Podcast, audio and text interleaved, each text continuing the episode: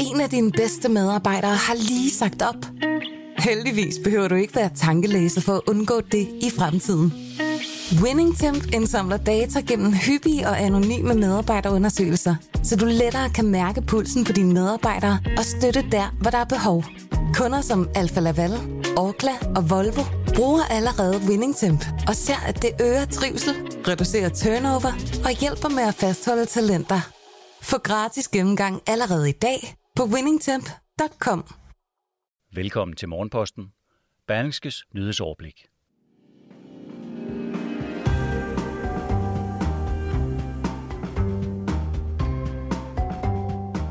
Tysklands største delstat Bayern aflyser nu årets traditionsrige julemarkeder på grund af coronasmitte. Også store danske firmaer har besluttet at aflyse årets julefrokoster. I sidste øjeblik ser der ud til at være politisk flertal for at redde Danmarks nationalleksikon. Og så har et amerikansk nævningeting frikendt en teenager for anklager om drab under sommerens raseuroligheder. Du lytter til nyhedsoverblikket fra Morgenposten, der de næste 10 minutters tid vil give dig nogle af dagens overskrifter i lyd. Jeg hedder Jon Kaldan. Godmorgen. Vi begynder med, at det bliver dyrere både at købe og eje bil fra årsskiftet. For hvis du tænker på at købe en ny bil efter nytår, så skal du af med en større slat til staten. I det nye år stiger registreringsafgifterne på en af de mest populære biltyper blandt danskerne, også den løbende ejerafgift stiger for alle, i første omgang kun med 3%, skriver Berlingske Business i dagens udgave. Men der er udsigt til et markant hop i ud- og afgifter for alle biltyper over de kommende år. Det er de meget solgte plug-in hybridbiler, der bliver hårdest ramt. De er hidtil sluppet relativt billigt i registreringsafgift sammen med elbiler, men nu begynder de to grønne biltyper at gå hver sin vej – med en hurtigere indfasning af højere registreringsafgift på netop plug-in hybridbiler. I den nye løbende afgift ser man kun på CO2-udledning, og det betyder også, at det bliver dyrere at eje en dieselbil, selvom den skulle køre langt på literen. Den løbende ejerafgift stiger for alle biltyper med i alt 37 procent over de kommende år frem til 2026. I Tyskland bliver der heller ikke i år glyvejen under varmelamperne ved de traditionsrige julemarkeder i Tysklands største delstat Bayern. Delstaten har valgt at aflyse alle sine julemarkeder på grund af stigende coronasmitte.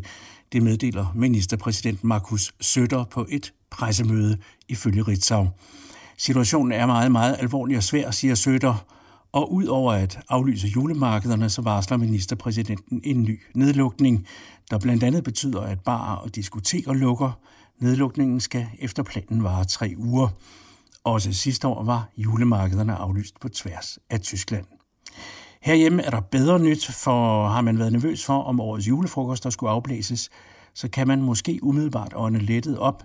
Julefrokoster kan gennemføres, hvis man bruger lidt sund fornuft, lyder det fra vicedirektør i Sundhedsstyrelsen Helene Probst.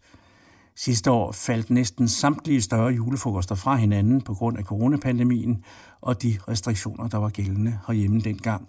Men i år er der ikke et forsamlingsforbud til at stoppe de festlige aftener hos virksomhederne. Alligevel så er der flere, der har valgt at aflyse firmajulefrokosten.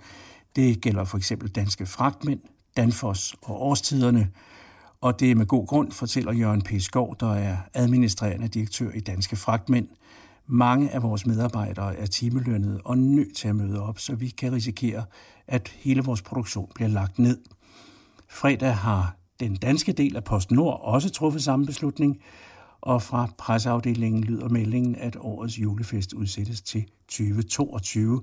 Den samme beslutning har man i øvrigt truffet i skokoncernen Eko med hovedsæde i det sønderjyske. Og vi bliver ved coronapandemien, for Danmark har indgået en aftale med medicinalvirksomheden MSD om piller til behandling af covid-19. Det skriver MSD i en pressemeddelelse.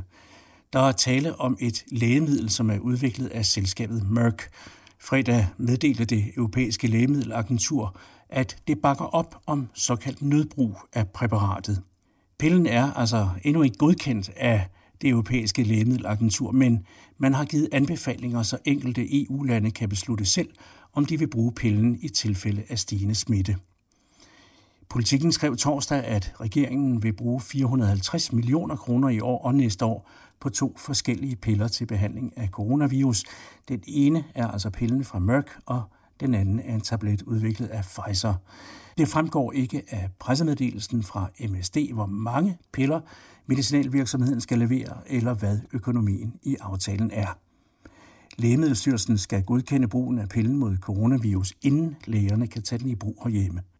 Studier har vist, at begge de piller, som Danmark i år og næste år vil bruge 450 millioner kroner på, kan nedbringe risikoen for død eller indlæggelse markant for udsatte patienter.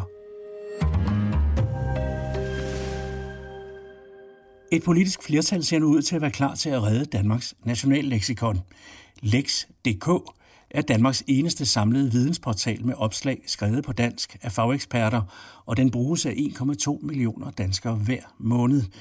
Men det er ikke gratis. Udgiverne af internetportalen Lex.dk har siden begyndelsen af september advaret om, at man måtte lukke, hvis der ikke kom flere penge på finansloven til driften. Og først efter meget tøven har Socialdemokratiet nu erklæret vilje til at sætte Lex.dk på finansloven i et omfang, så en række fonde også vil støtte. Ifølge Kristi Dagblad skulle der gå over to måneder, og Lex.dk var begyndt at afskedige medarbejdere, inden der altså nu tegner sig et flertal blandt de folkevalgte for at redde portalen, som samler og viderefører opslagsværker som den store danske encyklopædi og Trap Danmark. Kulturordfører for Dansk Folkeparti siger, at der jo allerede er brugt milliarder på at opbygge den store vidensbase, der ligger i netportalen, så at lade være med at bevilge nogle få millioner til driften ville svare til at lukke Storbæltsbroen, fordi man ikke mente, der var råd til ny asfalt på kørebanerne, siger han. Det har ikke bare været et godt valg, det har været et særdeles godt valg for de konservative i Region Hovedstaden. Natten til onsdag blev partiet det største i regionsrådet, målt på mandater for første gang nogensinde, også større end Socialdemokratiet, og i går aftes stod det så klart, at de konservatives Hans Toft bliver regionens største stemmesluger ved tirsdagens valg, efter at de personlige stemmer nu endelig er talt op. I alt har Hans Toft, der var borgmester i Gentofte Kommune i 28 år, fået over 35.000 personlige stemmer, og det er mere end dobbelt så mange, som man fik ved det seneste regionalvalg i 2017, hvor godt 16.000 stemte personligt på ham. Hans Toft stoppede i foråret som borgmester for at give stafetten videre til Michael Finger, også fra de konservative, der i tirsdag så kunne sætte sig til rette som ny borgmester i Gentofte.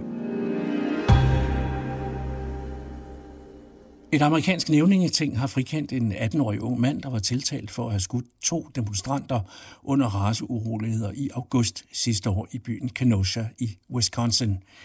Den amerikanske teenager var anklaget for overlagt drab og for uoverlagt manddrab, desuden for at have såret endnu en demonstrant med sin medbragte riffel og for at være til fare for den offentlige sikkerhed.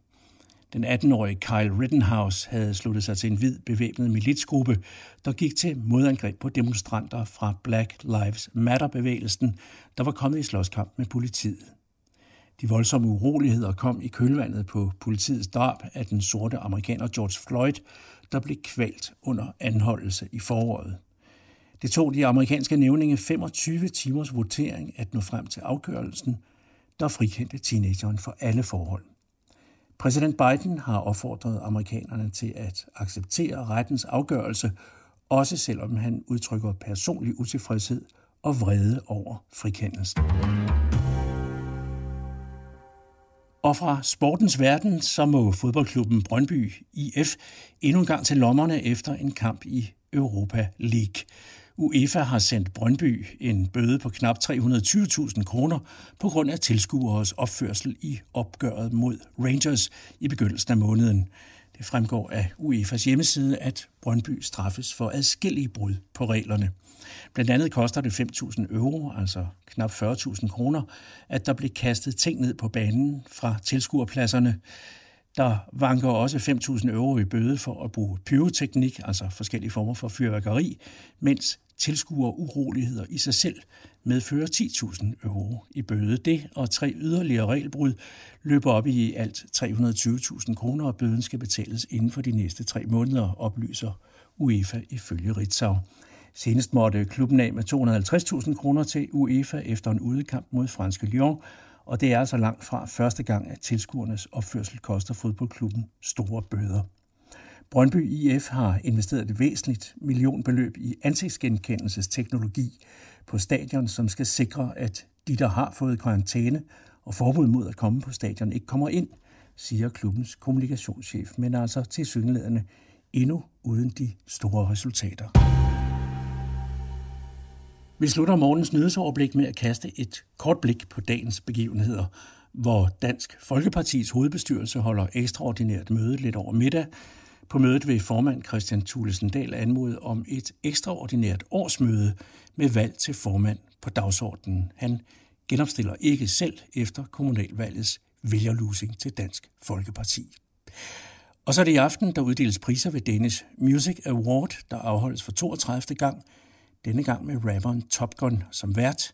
Det eneste, jeg endnu kan afsløre, er, at årets ærespris går til Rasmus Sebak.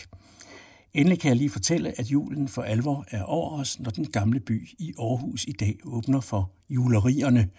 Og så tændes julelysene på den verdenskendte indkøbsgade Champs-Élysées i den franske hovedstad. Jeg hedder Jon Kaldan og er tilbage igen i morgen med nye overskrifter her i Morgenposten. God lørdag og på genhør.